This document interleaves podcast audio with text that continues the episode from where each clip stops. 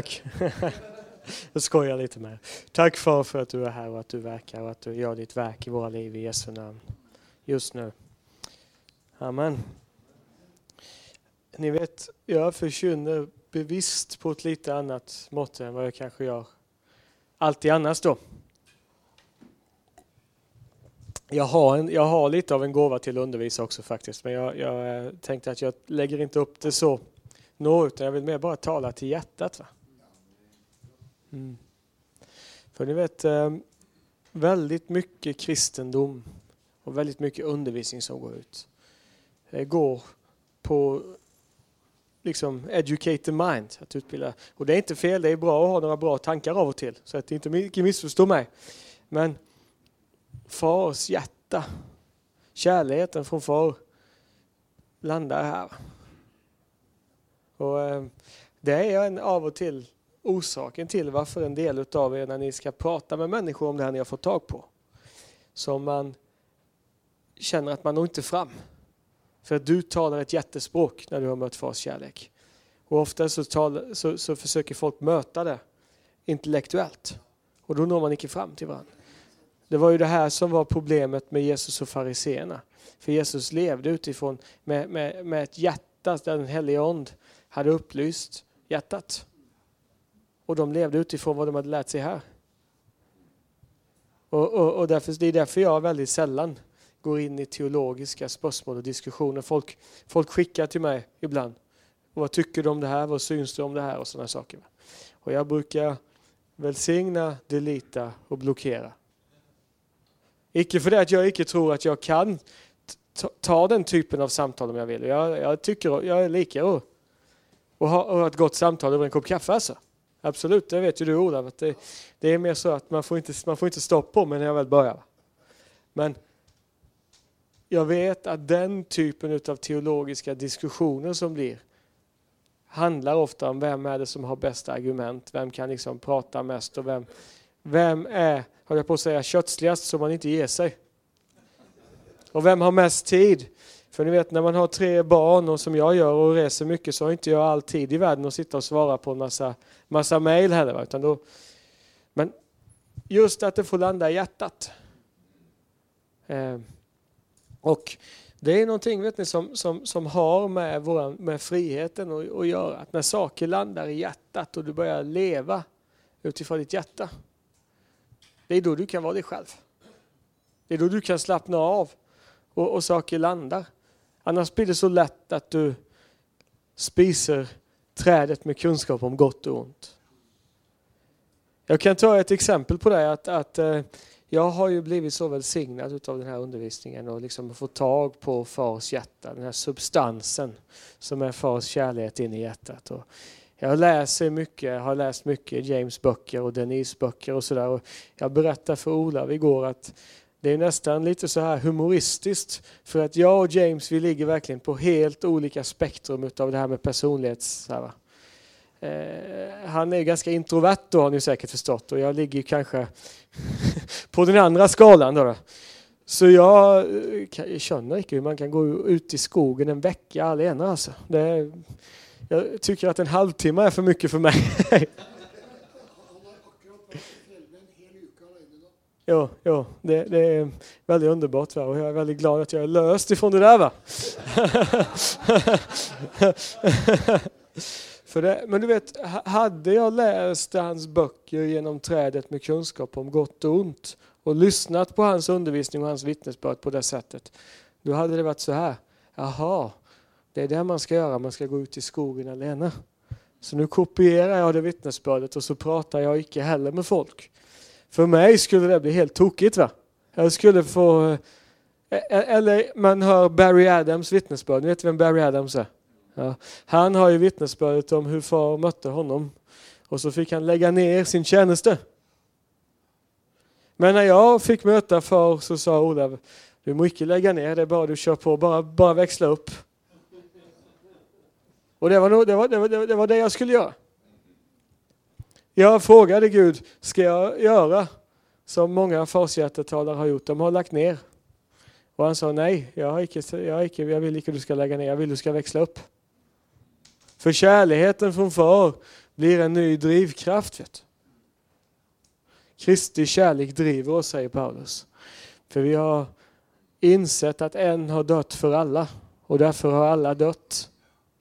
För att den som lever icke längre ska leva för sig själv utan för honom som har dött och uppstått för dem. Därför bedömer vi icke längre någon människa efter köttet. Vi känner icke heller Kristus så, även om vi har lärt känna honom så. Förut så känner vi honom icke längre så, står det. Om någon är i Kristus är han en ny skapning. Det gamla är förgånget, något nytt har kommit. Allt kommer från Gud som har försonat oss med sig själv genom Kristus och gett oss försoningens tjänst. Ty Gud var i Kristus och försonade världen med sig själv. Han tillräknar inte människorna deras överträdelser.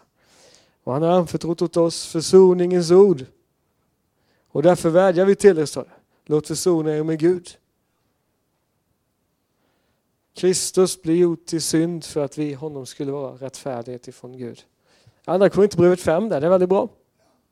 Men det talar om en ny drivkraft. Sen är det så att vad kärleken bygger i ditt liv kan se väldigt olika ut. Och det är ju därför man inte kan ta en undervisning här uppe va? och kopiera och tänka, visst jag gör likadant så får jag samma resultat. Jag kan bli inspirerad. Men av, av, av vad som har hänt i någon annans liv. Men, kärle, men att leva med far innebär ju att jag gör det jag ser fadern göra. Jag gör inte det du ser far göra. Det är det du ska göra. Jag gör det jag ser far göra. Kan ni se det? Men det är ju det som är skillnaden mellan hjärta och kunskap här uppe. För när du får tag på det här uppe så blir det alltid frågan om ett koncept. Men när det verkar här inne så blir det heart connection. Då blir det relationer. Jag tänkte vi ska tala lite vidare om det för jag har en sak som jag har liksom sett väldigt tydligt är ju ett tröstlöst hjärta som icke har fått uppleva tröst ifrån far blir ett hårt hjärta. Ja. Det står i Matteus 24 att i takt med att laglösheten tilltar ska kärleken kalla hos de flesta. Men den som håller ut in till änden ska bli frälst, ty detta evangeliet om riket ska predikas som ett vittnesbörd för alla folk. Sen ska änden komma. Eh, och ett hjärta som har kallnat är ett hjärta som är tröstlöst. Det Bibeln kallar laglöshet är bara andra myntet på lagiskhet. För båda bygger på att man försöker leva i egen kraft. Men en person som har upplevt ett hårt hjärta men får uppleva tröst får ett mjukt hjärta. Och den här tomheten som man kan uppleva som kristen. Jag möter så mycket tomma kristna. Jag möter så mycket kristna som, som kan allt och vet allt och förstår allt. Men som har så mycket tomhet på insidan. Och jag har lärt mig det nu när jag ska jobba ihop med människor. Jag bryr mig inte så mycket om vad som har hänt, vilken historia man har. Vad man har för teologi och vad man kan och inte kan. Utan jag funderar mycket, jag, jag, jag ser mycket mer, vad händer här inne? Jag, jag har mött människor som har ganska annorlunda teologi än vad jag har. Men jag känner, här finns ett Guds rikes hjärta. Sen har jag mött människor där jag kan skriva under på allt de säger men det känns, det finns ingen connection här. Och jag vet att jag trycker medvetet på det här lite grann, den här, den här, eh, det här passet för att jag upplever att det här är väldigt viktigt. Ett kallt hjärta, ett hårt hjärta är inte ett hjärta som inte vill behaga Gud. För jag har suttit med meget religiösa människor som ger sitt liv för att försöka behaga Gud. Det är ju det som hela Al-Qaida bygger på, vet ni. Vill behaga Gud. Kanske han tar emot mig om jag lägger ner mitt liv tillräckligt mycket och tjänar honom tillräckligt mycket. Och så kommer den här religiösa hårdheten in. Paulus var en sån. Han kunde Gamla testamentet utan till i princip. Han var beredd att ge sitt liv för Gud. Så det Paulus beskriver här i första Korinthierbrevet 13, det är det han själv har upplevt. Vers 1 till och med 3. Det är en vers som man ofta får citerat för sig också när man håller på med, med, liksom, med övernaturligt liv. Och så är det någon som, som inte vill vi ska hålla på så mycket med ett övernaturligt liv. Och då citerar man den här versen. Om jag talade både människors och änglars språk men inte hade kärlek vore jag endast en ljudande malm eller en skrällande symbol. Och om jag ägde profetisk gåva och kände alla hemligheter och hade all kunskap och om jag hade all tro så att jag kunde flytta berg men icke hade kärlek så vore jag ingenting. Och om jag delade ut allt vad jag ägde och om jag offrade min kropp till att brännas men inte hade kärlek så skulle jag ingenting vinna. Och du vet, det här är ju väldigt bra saker. Jag vill ha tro så jag kan kasta berg i havet. Jag vill ha uppenbarelsekunskap. Jag vill kunna tala både människors och änglars språk. Jag har profetisk gåva. Vet ni. Jag, jag, jag, jag vill ge till de fattiga. Och om det behövs så får man väl offra livet för evangeliet också. Och dessutom, om du kommer att ha ett profetiskt ord till mig från Herren, som är rätt va? från Gud, in i mitt liv, så bryr jag mig inte om om du älskar mig eller inte. Det är inte mitt problem, det är ditt problem. Jag vet att far älskar mig. Vad du syns om mig är inte så viktigt. När jag vet vad han syns om mig. Men problemet är att det blir så fruktansvärt ensamt. Vet du. Om hjärtat är tomt när man betjänar människor. Och då står det ju här, vet du, inte att man är som en skrällande symbol om man inte älskar, utan om man inte hade kärlek. Och kärlighet kan ju icke vi skapa själva, eller hur? Ni vet på min äktenskap, min, min, min ring så här, äktenskaps, som jag, som jag och Linda hade, en, eh, som vi, när vi bytte ringar så har vi ingraverat på den. Första Johannes brev 4 och 19. Vi älskar för det Gud först har älskat oss. Nu har ju Al-Qaida min sån ring då, då. Eller de har väl sålt den vidare kanske. Men där står det ingraverat första Johannes 4 och 19. För det finns inte en chans i världen att vi kan älska, att vi, att vi skulle kunna bygga vårt äktenskap på att ge varandra kärlek från oss själva. Det vet ju alla ni som är gifta, eller hur? Att ska det hålla hela livet så behöver man koppla med Guds kärlek. Ja, vi älskar för han först har älskat oss. Kärlek växer i mitt liv för att jag tar emot den. Den helige Ande utgjuter Guds kärlek i mitt hjärta. Så vad den här texten talar om handlar om det här, vet du. Att om jag profeterar, om jag kastar berg i havet, om jag har all tro, all kunskap, känner alla hemligheter, om jag ger bort allt jag äger och till och med låter bränna mig på bål, men inte lever utifrån fars kärlek. Så kommer det inte hjälpa mig. För att mitt hjärta kan vara tomt. Och det är ju det här som är så svårt för människor att förstå. Hur kan någon som är så salvet av Gud göra så dumma val? Och ibland har jag suttit med människor som har en, en underbar salvelse och gåva. Och så ser jag att de är på väg att ta dumma beslut. Och så vet jag att de är som Petrus. Det är ofta det med människor som är väldigt salvet, att de är som Petrus. Va? Frimodiga och starka och står på. Och har man bestämt sig för något så lyssnar man inte. Det var det Petrus, Jesus säger, Petrus, det är så här. Du tror att du är stark nog till att kunna hantera det här, men innan den här natten är över så kommer du tre gånger ha förnekat mig. För djävulen har bett om att få dra upp emot dig. Han har utskiftat dig som vete. Och så säger Jesus, vi har bett för dig Petrus att din tro inte ska bli om intet. Eftersom Jesus gör det han ser Fadern göra så kör han inte med kontroll. Han tvingar icke att göra något som du icke vill. Vet du. Därför säger Jesus inte jag ska hålla fast dig, du ska inte få göra det. Utan Jesus säger okej, okay, du har bestämt dig för det här. Men jag har bett för dig att din tro inte ska bli om intet. Och när du en gång har omvänt dig så styrk dina bröder. Alltså Petrus lyssnade inte.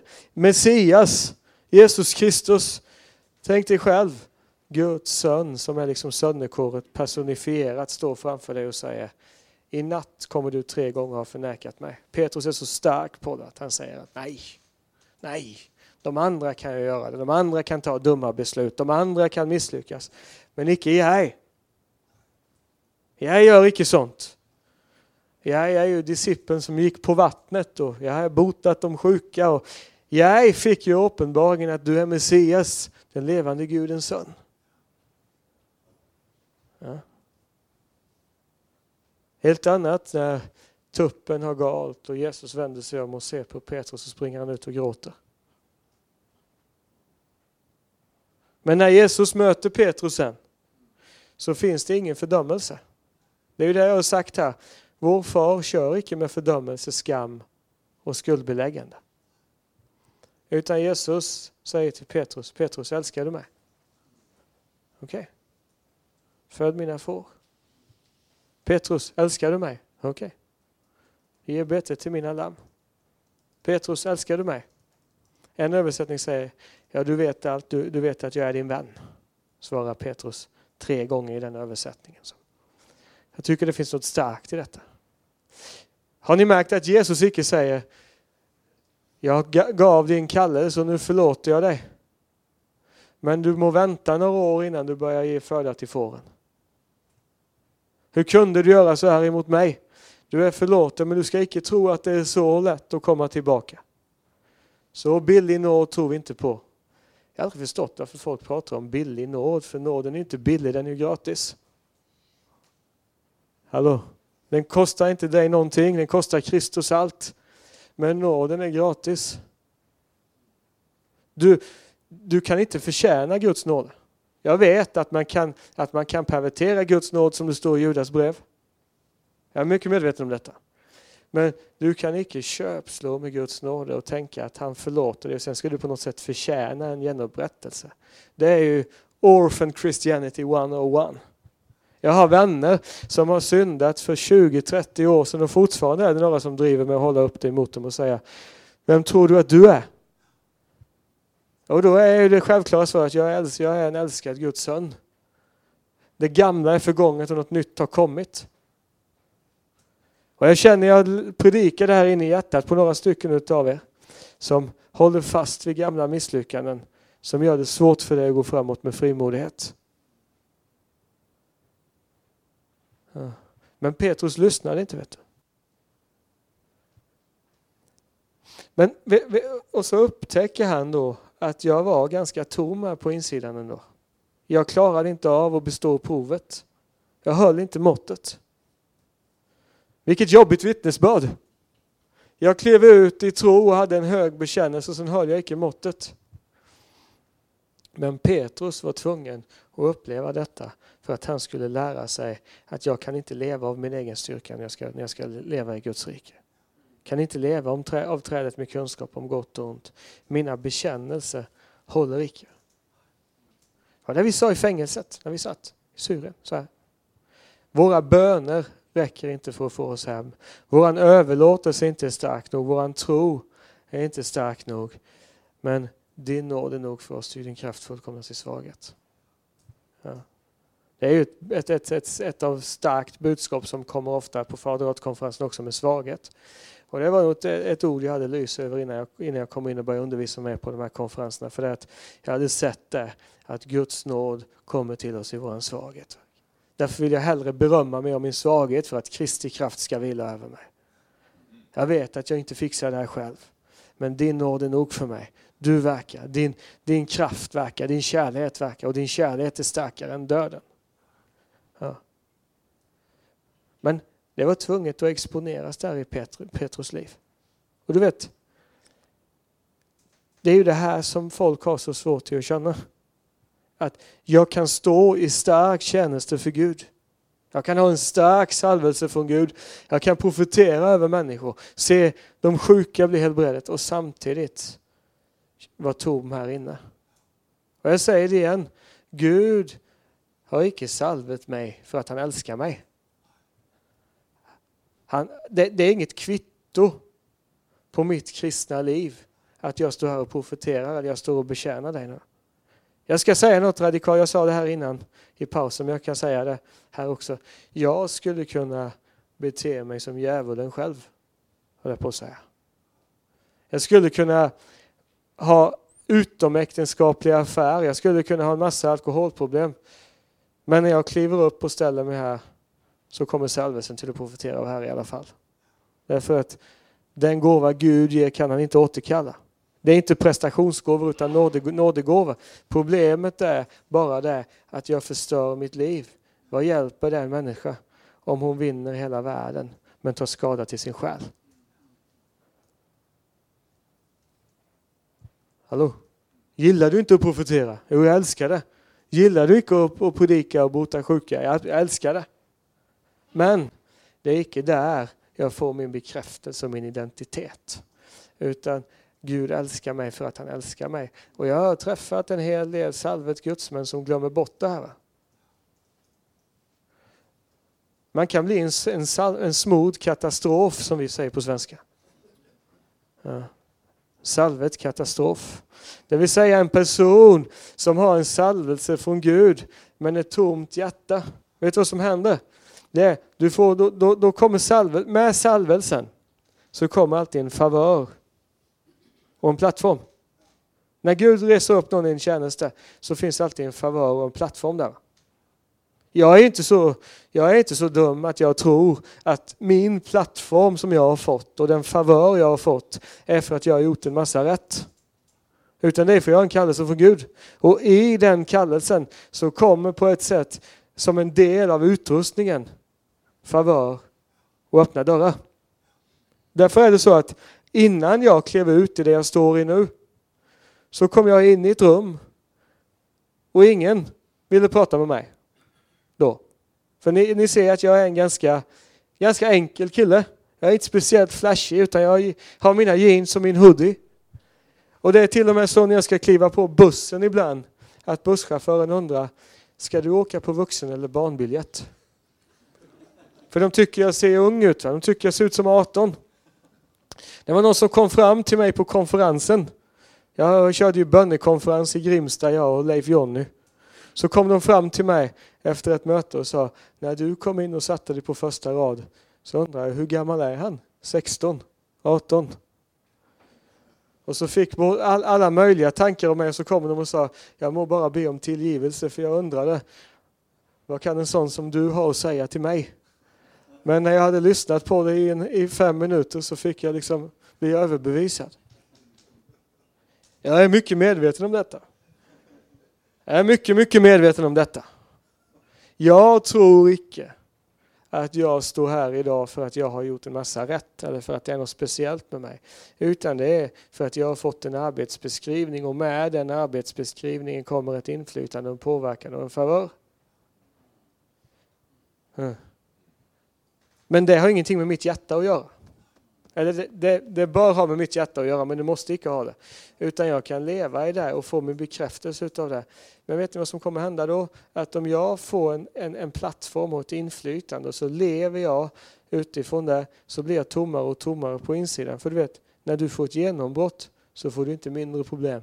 Du får mer problem. För helt plötsligt så kommer det komma en massa människor till dig som tränger hjälp. Du kommer få läsa alla möjliga saker om dig och nu när jag kommer in i ett rum så är det ju alla möjliga som vill prata med mig. Och en del tycker, det, tycker jag är väldigt underbart, underbar och en del tycker jag är mindre underbar om man säger så. Visst? Och så finns det ju alla möjliga frestelser som kommer till också när man, när, för helt plötsligt så tycker ju folk man blir attraktiv bara för man är synlig. Det är trädet med kunskap om gott och ont, det som är gott att se på. Att när någon står och har, och har ett inflytande eller en påverkan. Så jag har haft, det har hänt att det är kvinnor som har sagt till mig, kanske vi skulle ha lite trevligt ikväll efter mötet. Det har hänt vet ni. Och nu är det så att jag har en väldigt underbar fru så jag känner inte att det är någon större frestelse för mig. Jag var i, Murmansk och predikade i Ryssland. Och så efter mötet så gick jag och satte mig och, och chattade, skypade med frun i, i, liksom, i kafédelen där i baren där, så tog jag en kopp kaffe.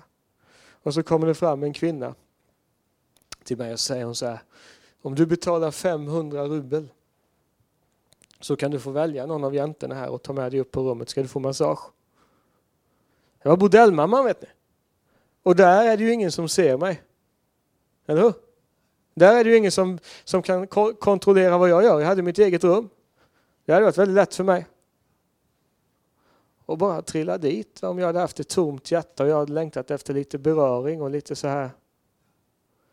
Men då, då svarade jag det, du vet jag åker hem imorgon sa jag. Och när jag åker hem imorgon så ska jag få gratis massage hela natten utav min, utav min fru. Och hon gör det bättre än vad, än, än vad dina jäntor gör det. Så tack men nej tack. Och sen fick jag be för henne. Fick vittna för henne, fick ge henne evangeliet. Men du vet, med plattform, med favör så kommer inte bara det som är positivt att förlösas i ditt liv utan det som finns på insidan kommer pressas upp till ytan. Det är det som händer i tjänsten. Det kommer exponera och lyfta fram det som finns i det. Och därför så är det så farligt att vandra i en faderlös salvelse för att det kommer, det kommer exponera det som finns i det. Ja. Och då är det väldigt gott att kunna, kunna skilja på salvelsen, det Gud ger för tjänst och mitt liv med Gud i vem jag är som son. Det är därför när jag var ute och gick idag på morgonen vet ni, och när jag läser Bibeln idag på morgonen så läser jag icke Bibeln för att få ett budskap att preka. Nu. Jag var icke ute idag på morgonen och bad och bad över, liksom, jag var ute och gick promenad tillsammans med far i morse. Och då, då när jag var ute och gick så gick inte jag och bad för konferensen här eller bad för mina kommande satsningar. Utan då vill jag ha en kram av far, då vill jag, då vill jag ha det bra tillsammans, då vill jag umgås. Då behöver jag höra, du är min son, den älskade, jag är glad i dig. Det behöver jag höra. Ja, för det sätter saker i sitt rätta perspektiv så jag går aldrig in i förbönstjänst på morgonen som regel. Jag brukar ha en bönestund på kvällen där jag mer tar sådana saker. Och det gör jag medvetet. För jag vet det att nu, nu, nu behöver inte du liksom köpa mitt koncept här nu men jag har gjort så medvetet här inne för jag vet att hvis jag börjar dagen med att bli bekräftad av honom ja, så kan jag ha A-skola varje dag. Jag kan ha B-skola varje dag, för jag kan bära det med mig. Jag, jag sa det till, jag hade varit på B-skola i Finland och så satt jag med ett gäng på vägen hem och de sa vad jobbigt det blir nu, vi har varit i fars kärlek och så åker vi hem. Och jag sa det, jag visste inte att han slutade älska dig nu.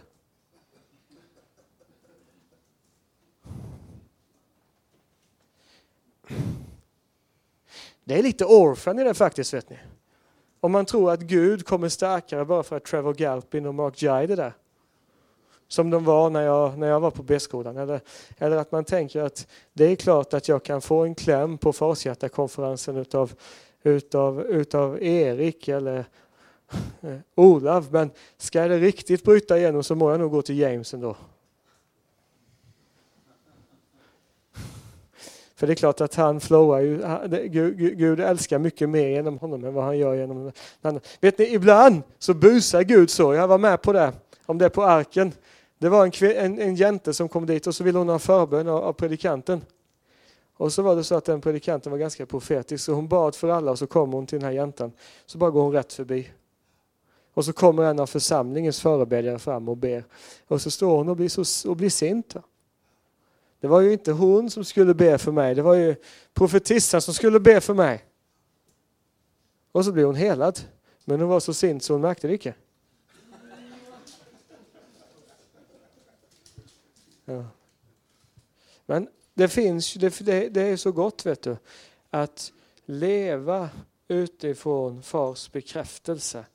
Då kan han, salva, då kan han ge dig salvelse, då kan han resa upp dig utan att det bryter ner dig. Det är ju Sönnekåret, salvelsen i sönnekåret bygger på att mitt hjärta är så upp, uppfyllt av fars kärlek. Att det flödar igenom mig. Och jag har sett det här så många gånger. Många utav de här, vi har ju haft ett antal gudsmän i Sverige som har fallit på olika sätt här sista åren, som har stått starkt då i trosbevägelsen bland annat, som har, har tappat liksom och gjort helt andra grejer än vad de gjorde förut. Jag känner, jag känner många av de här. Jag har mött många av dem, jag har predikat många av de här. Jag är, inte, jag är inte alls förvånad över att sådana saker sker. Det är inte förvånande för mig att predikanter kan, gå, kan falla i otrohet eller hamna i skilsmässa bara för att de är salvet av Gud. Där det finns människor så finns det problem. Eller? Har du någon gång upplevt dig tom på insidan? Hur kändes det då? Kändes det bra? Nej. Vet du vad man gör när man är tom på insidan? Man försöker fylla tomheten. Och vad går folk till då? Jo, antingen så går man som regel till synd eller till religion.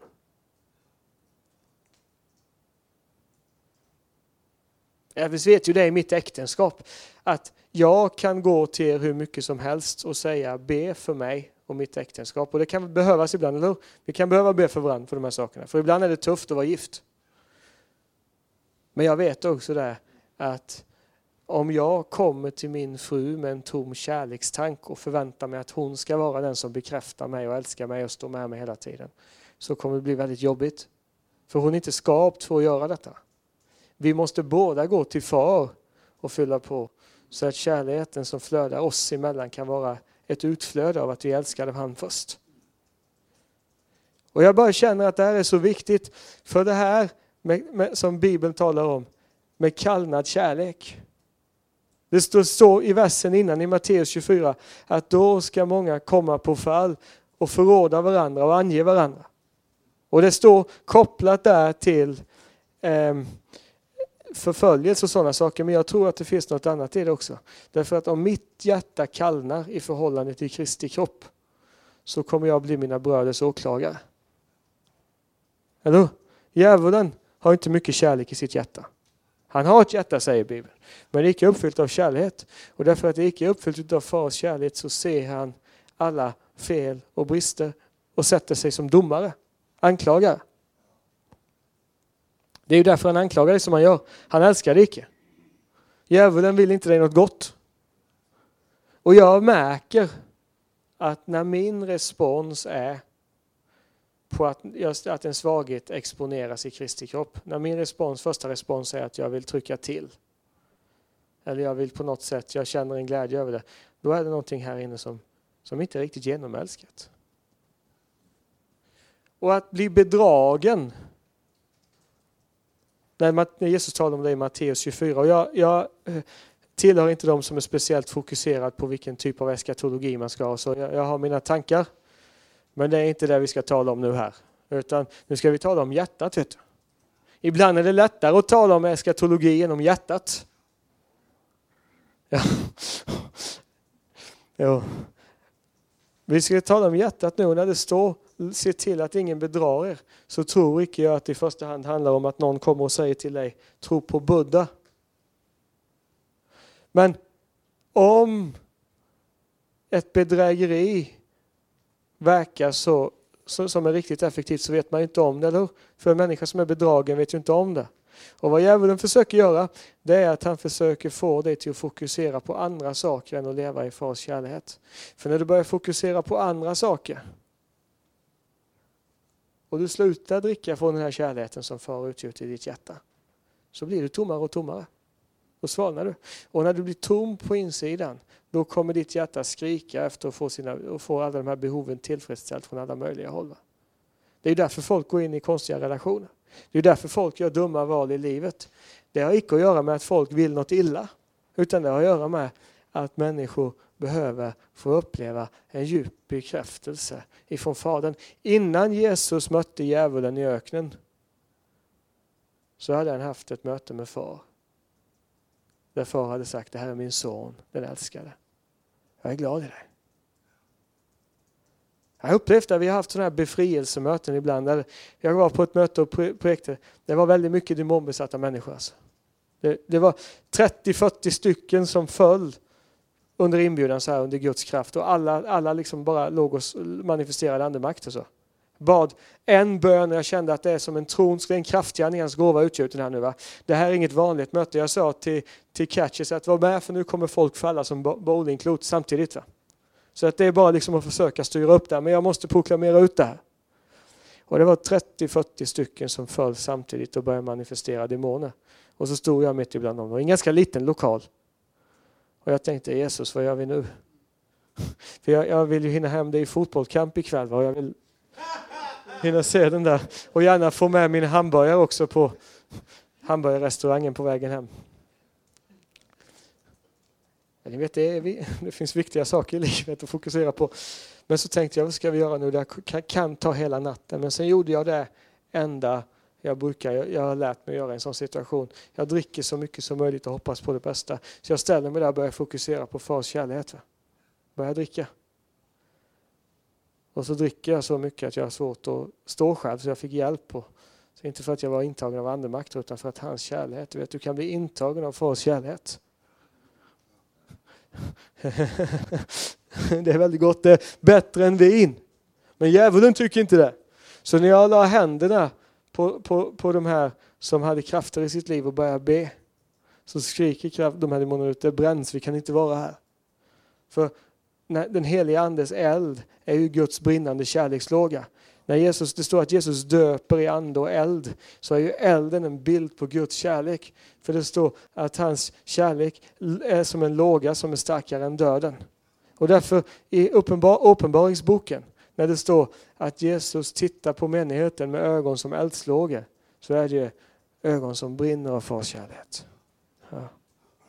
Så la händerna på de här och så bara släppte betrycket för det kom en sån manifestation av Guds kärlek. Djävulen har inget vapen emot det. Va? Djävulen har inget vapen emot det. Han är inte rädd för dina bönder. Han är inte rädd för dina löften. Han är inte rädd för vad du ska göra. Men han har inget vapen emot fars kärlek. Det var ju, redan, redan Kenneth, Kenneth Hagin var inne på det. Han sa att love is the, the way to victory. Det var en av hans böcker som handlar om att kärleken är vägen till seger. Och ju mer jag lever i Guds kärlek, ju mer kommer Kristi seger på korset manifesteras i mitt liv. Men jag kände att det var viktigt att tala om det här idag. För att om mitt fokus blir mer på vad jag ska göra för Gud än vem jag är kopplad till så kommer jag bli tommare och tommare på insidan oavsett hur mycket resultat jag ser genom mitt liv. Men Gud vill ju inte att det ska vara så.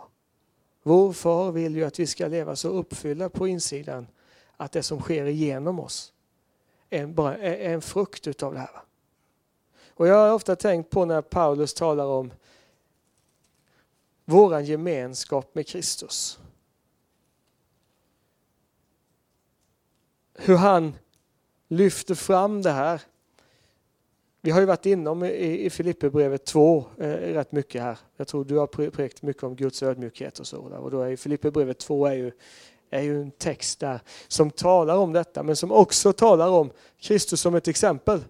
Att vi ska vara så till sinne som Kristus Jesus var. Men innan Paulus talar om det så säger han så här i vers 1. Vi kan läsa de två första verserna. Om ni nu har tröst hos Kristus, uppmuntran av hans kärlek och gemenskap i anden, om medkänsla och barmhärtighet betyder något, gör då min glädje fullkomlig genom att ha samma kärlek och samma sinne och genom att vara ett i själ och sinne. Eh, Filipperbrevet 2, de första två verserna. Ser ni hur Paulus talar om vår förening med Kristus? Om ni nu har tröst hos Kristus, uppmuntran av hans kärlek och gemenskap i anden. I sönnekåret, i Kristus, i gemenskapen med honom så finns ju Fars tröst, Fars uppmuntran, gemenskapen med treenigheten. Som Gud vill, som, våran, som far vill att det ska vara liksom grunden, grundtonen i vårt liv. Uppmuntran, tröst och fällskap med treenigheten. Att ditt inre liv ska vara uppfyllt av hans kärlek på ett sådant sätt att den här trösten och den här uppmuntran är det som uppfyller dig. Gemenskapen är det som uppfyller dig. Tänk så många gånger när man har varit ute och predikat. Och jag är, jag är ganska ärlig nu när jag talar om de här sakerna. Du vet när man har predikat som jag gör nu en hel vecka. Jag har tio dagar blir det imorgon här. Jag har kört på. Många timmar om dagen ibland. Jag hade sex timmars undervisning i, i, torsdags, kväll, i torsdags på bibelskola. Så har vi kört konferens och bibelundervisning. Så jag har kört på. Jag vet ju att jag är i behov av återhämtning när jag kommer hem. Ja. Jag har varit ifrån frun i en och en halv vecka. Jag behöver få umgås med frun lite grann. Jag behöver få tid till att vila upp mig. Jag behöver få tid till att kunna liksom så, här, så jag har ett par lediga dagar när jag kommer hem. Men jag har en grundton i mitt liv ändå av tröst, uppmuntran och kärlek från far. Många gånger så är det precis i sådana här situationer som folk trillar dit i olika saker. För att när jag sitter på hotellet ensam efter en stark konferens, då har jag gett ut allt jag har. Och då har jag bara det jag har här inne. Ja, jag har varit med om det många gånger som resande förkunnare. Att jag är och prekar någonstans och det är underbart. Jag kanske sover i kapellet. Jag kommer ihåg en gång, jag var och predikade i norra Sverige. Jag bor ju där uppe vet ni. Ungefär i höjd med Bodö vid svenska kusten. Så jag reser mycket i norra Sverige. Och det är kallt där uppe på vintern. Och det är mörkt. Och vi hade haft ett underbart möte, en underbar dag. Och sen på kvällen har jag gett ut allt jag har. Då går de andra hem till sina familjer och så sitter jag där. Ensam. Och så, ni vet så, så lite introvert jag är också va. Så är ju inte min go-to att jag tycker det är skönt att sitta för mig själv och ha tyst. Utan jag tycker om att prata med folk. Jag tycker jag, och så sitter man där och så har man gett ut, ja nu har man gått hem till sina familjer och jag sitter här och trött och ensam och tömd på kraft och energi. Vad hände sen då tänker du? Inte, mycket, inte mycket dramatiskt för att jag har den här trösten och uppmuntran och kärleken från insidan, på insidan. Men vad jag vet och vad jag kan säga är att många gånger så är det där folk får problem. För det är att du har lärt dig att flöda med salvelsen genom dig. Men du har icke den här djupa bekräftelsen ifrån far i hjärtat. Kan ni se det? Vad som händer i våra liv när kärleken verkar, det är ju att vi förvandlas. Och det är därför jag menar på det att det är ett fullständigt missförstånd när man tror att kärleken ifrån Gud och nåden ifrån Gud på något sätt leder mig in i ett laglöst liv. Det är bara visst du får tag på det här uppe. Men om det landar i hjärtat så sker en förvandling. För nåden är inte en teologi. Alltså nådeförkynnelse, kärleksförkynnelse, det är inte, det är inte det det är frågan om. Nåden är Guds förmåga, Guds härskarmakt som gör något med dig.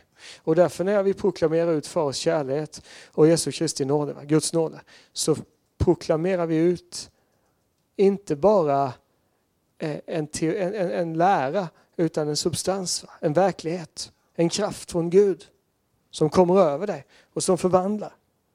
Och då säger Paulus så här, om vi fortsätter i första Korinthierbrevet 13. Från vers 4, vi slutar ju läsa vers 3, så står det så här. Från vers 4 och framåt. Och det här är vad kärleken gör i våra liv.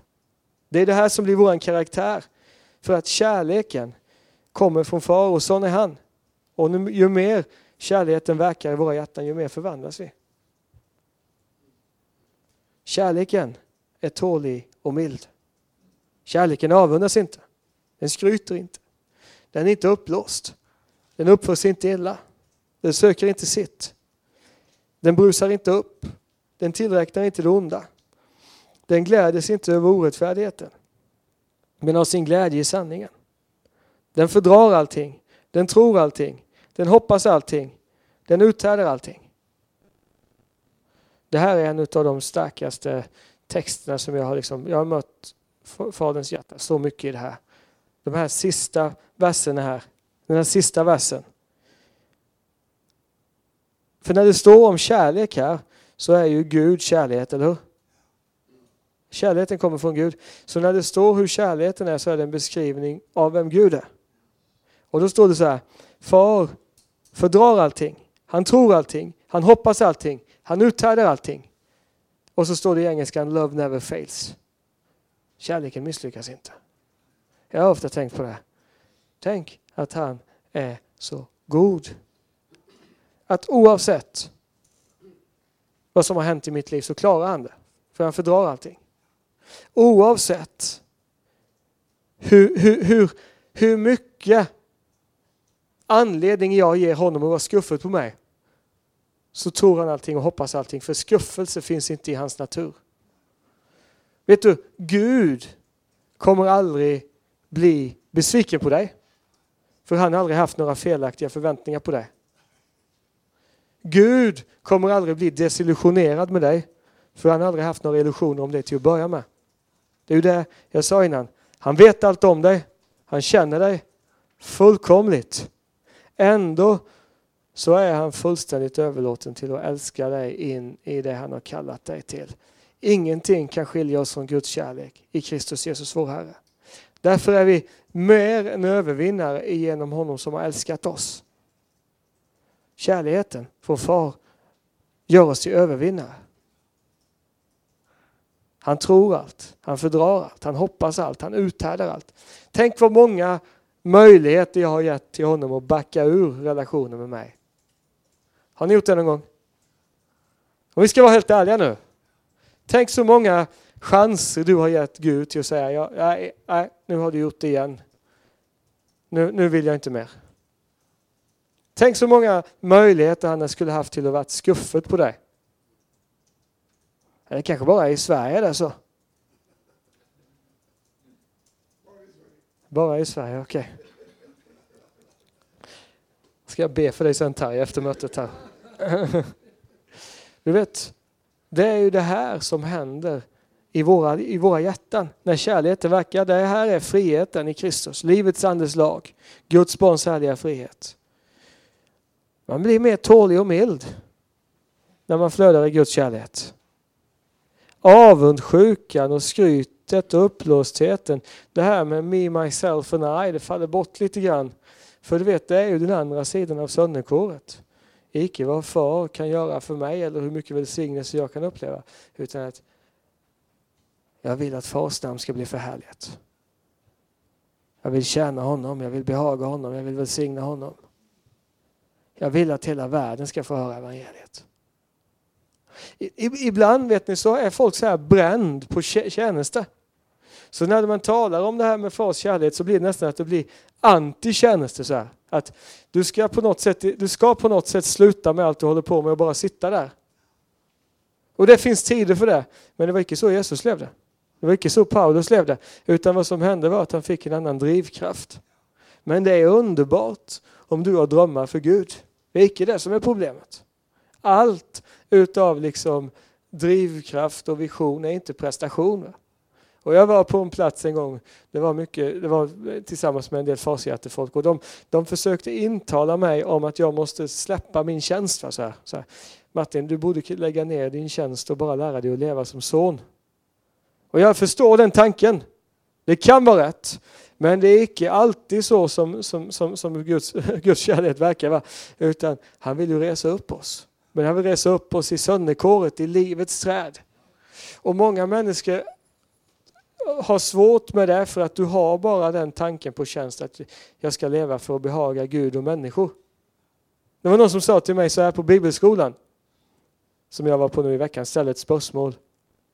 Är det okej okay att, att eh, ta en paus i sin tjänst och göra det man har på sitt hjärta? Och då svarar jag så här.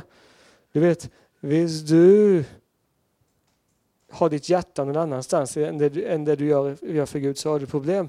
För tanken är ju att tjänsten ska flöda ut ur hjärtat. Jag har varit tillbaka i Mittöstern igen efter jag kom hem från Syrien. Vill du åka, vill, vill du åka igen? Absolut, jag, jag älskar muslimer. Jag älskar Ismaels barn. Jag älskar inte allt de gör. Men det är inte det att jag har tagit med det och sagt nu måste jag för jag måste bevisa för alla hur kärleksfull jag är. Utan det är han som har fött någonting här. Ja. Det föds fram när man fortsätter dricka så förvandlas man. Va? Och det är väldigt underbart alltså. De får förvandlas.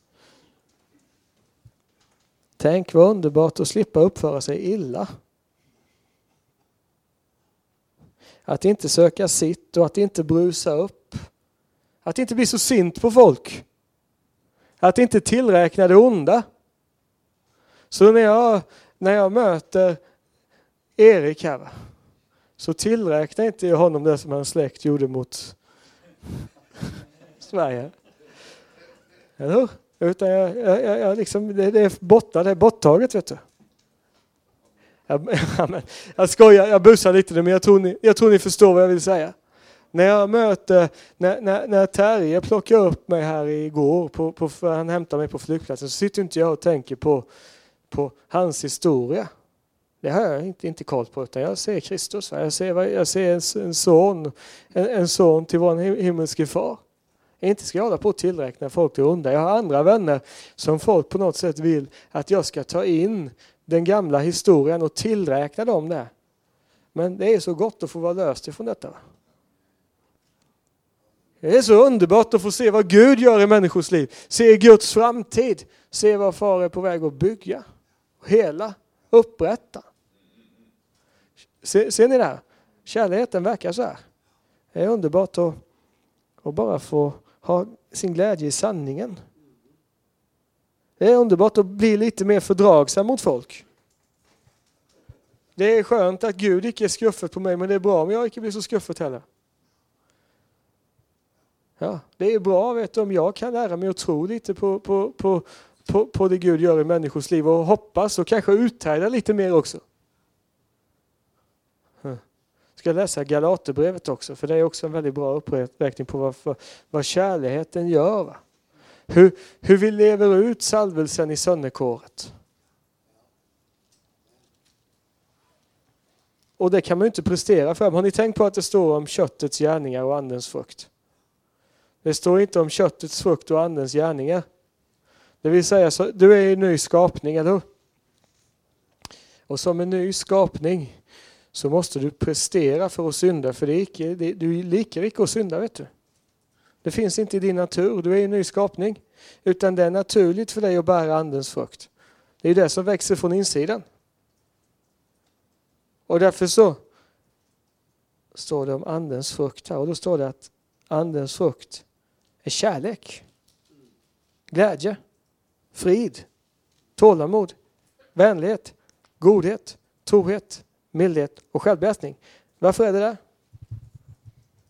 Har ni funderat på det någon gång? Varför är det så? Jag har redan talat om för er.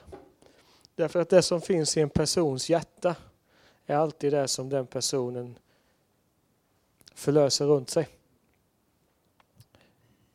Far är sån här. Jesus är sån här. Den helige Ond är sån här. Och jag har ibland tänkt på det. Jag ska, jag ska ha en, en, en om, om jag blir, får komma på något mer här under helgen så ska jag tala lite grann om det här med tröstens tjänst. Det är ju Barnabas. Det står om honom att han var en god man uppfylld av den heliga Ande och tro.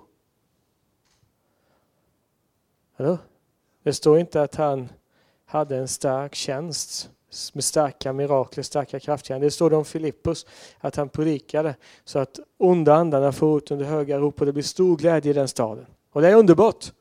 Tänk att komma in och predika i en stad så att de onda andarna får ut under höga rop och det blir glädje i den staden för en massa blir frälsta. Det är fars kärlek, vet du. Kan inta ett område. Men sen så kan du ha en annan typ av tjänst också, det är att man kan vara uppfylld av godhet. Det står som Paulus.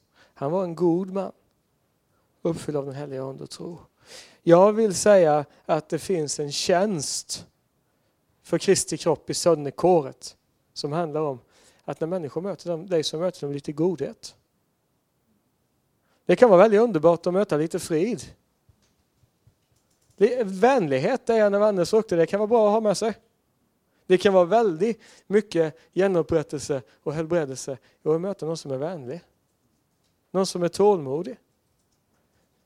Någon som är glad kan också vara väldigt bra. Glädje kan förlösa väldigt mycket i en människas liv. Sån här är far och när han verkar i våra liv så kommer det göra att när du dricker av hans kärlek så kommer ditt hjärta förvandlas. Och ditt hjärta kommer inte bli tomt utan det kommer bli fyllt av frukt. Vet du. du kommer märka att du blir lite mer kärleksfull.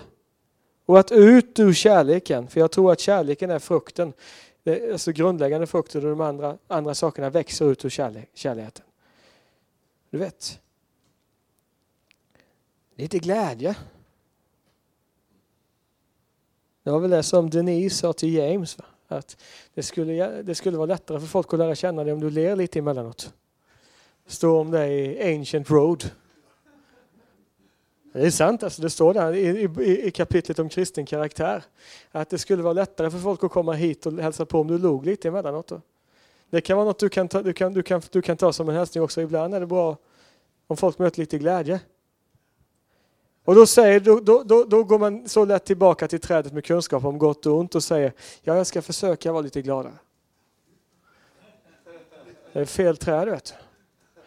Det här är trädet som växer på livets frukt, för livet, eller på livets träd, för livets träd är det liv som finns i vår relation med, med Gud. Ja. Där växer glädje som en frukt av att vi lever i fars kärlek.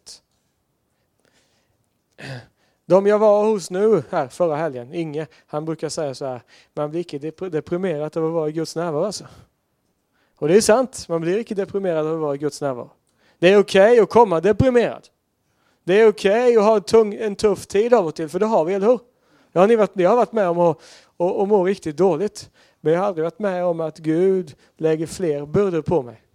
Så jag blir mer deprimerad efter att ha varit i Guds närvaro. Utan det förlöser glädje. Frid. Har ni tänkt på vilket profetiskt tecken det är i den här tiden att leva i frid? Du dricker så mycket av fars kärlek att när du läser alla möjliga nyheter om corona så behöver du inte bli så här uppstressad över det. Det finns en frid som inte världen ger. I världen får, får ni lida, men var vi gott mod, säger Jesus, för jag har övervunnit världen.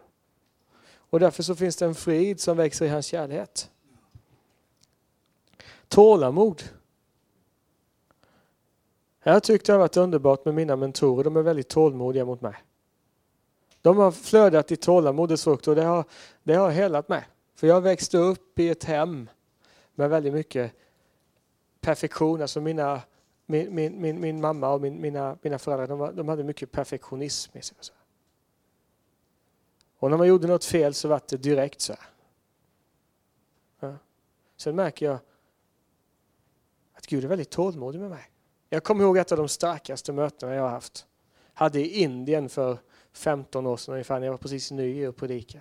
Vi hade massa helade. Vi hade en som var både döv och stum och som fick både hörsel och tal tillbaka. Så här. Massa människor som fick bli satt fri från andemakter och frälst. När jag tänker tillbaka på det mötet, vet ni vad jag tänker då? Jag tänker så här, Gud, hur kunde du hela någon efter jag hade predikat en sån dålig predikan som den gången? För idag så är det väldigt mycket av det jag sa då som jag inte skulle hålla med om. Jag har fått mer lys. Men nu var det som att jag bara ser för mig hur far, son och helion satt där på tronen tillsammans och sa. Och så säger far så här att han har ett gott hjärta den här killen men det saknas något i uppenbarelse. Så du får nog jobba på det där. Men han är ju iklädd din rättfärdighet, säger han till sonen. Så vi må ju bara backa upp honom för han, har ju, han vill ju väl. Ja, Guds tålamod. Va? Och vet ni vad som händer med mig då? Att när jag upplever mycket tålamod från Gud med mig så blir jag, säkert, blir jag tålmodig med dig också. För har han haft väldigt mycket tålamod med dig så har han säkert väldigt mycket tålamod med dig också. Och när jag ser hur mina mentorer har jobbat med mig, jag har många gånger frestat på deras tålamod och många gånger har de fått verkligen stå för att de tog mig till sig va? av olika skäl. Men de har aldrig sagt till mig, sluta, du får inte vara med. Utan de har sagt så här, av och till har de sagt så här, nu har du lärt dig ett sätt till som inte det funkar på. När jag var tränare i det profetiska, jag gjorde så mycket fel i början. Och de sa aldrig sluta profetera utan nu har du lärt dig ett sätt till som inte det funkar på. Nu ber vi tillsammans. Tar vi ansvar för den här situationen. Och sen så fortsätter vi. De var väldigt tålmodiga med mig. Va? Då kan det hända att Gud är väldigt tålmodig med dig också. Och då växer tålamodets frukt i mitt liv. Det är väldigt bra. Va? Lite mer tålmodig med barnen och med frun och sådär. Och lite mer tålmodig med menigheten också. Du vet, det finns en, en, en, utmaning i det här att när man får mycket uppenbarelse så kan man bli ganska kaxig på det. Eller ja, jag ska använda ett annat ord, man kan bli ganska, man är ganska, ganska hög på det om man säger så. Man tycker de andra har inte sett det som jag har sett. Så, ja det, är ingen, det är ingen bra ingång för att betjäna människor, för att säga det så. Då. Vänlighet har vi pratat om. Tänk vad underbart att möta en vänlig människa. Gud är den vänligaste personen i universum. Godhet. Han är väldigt god.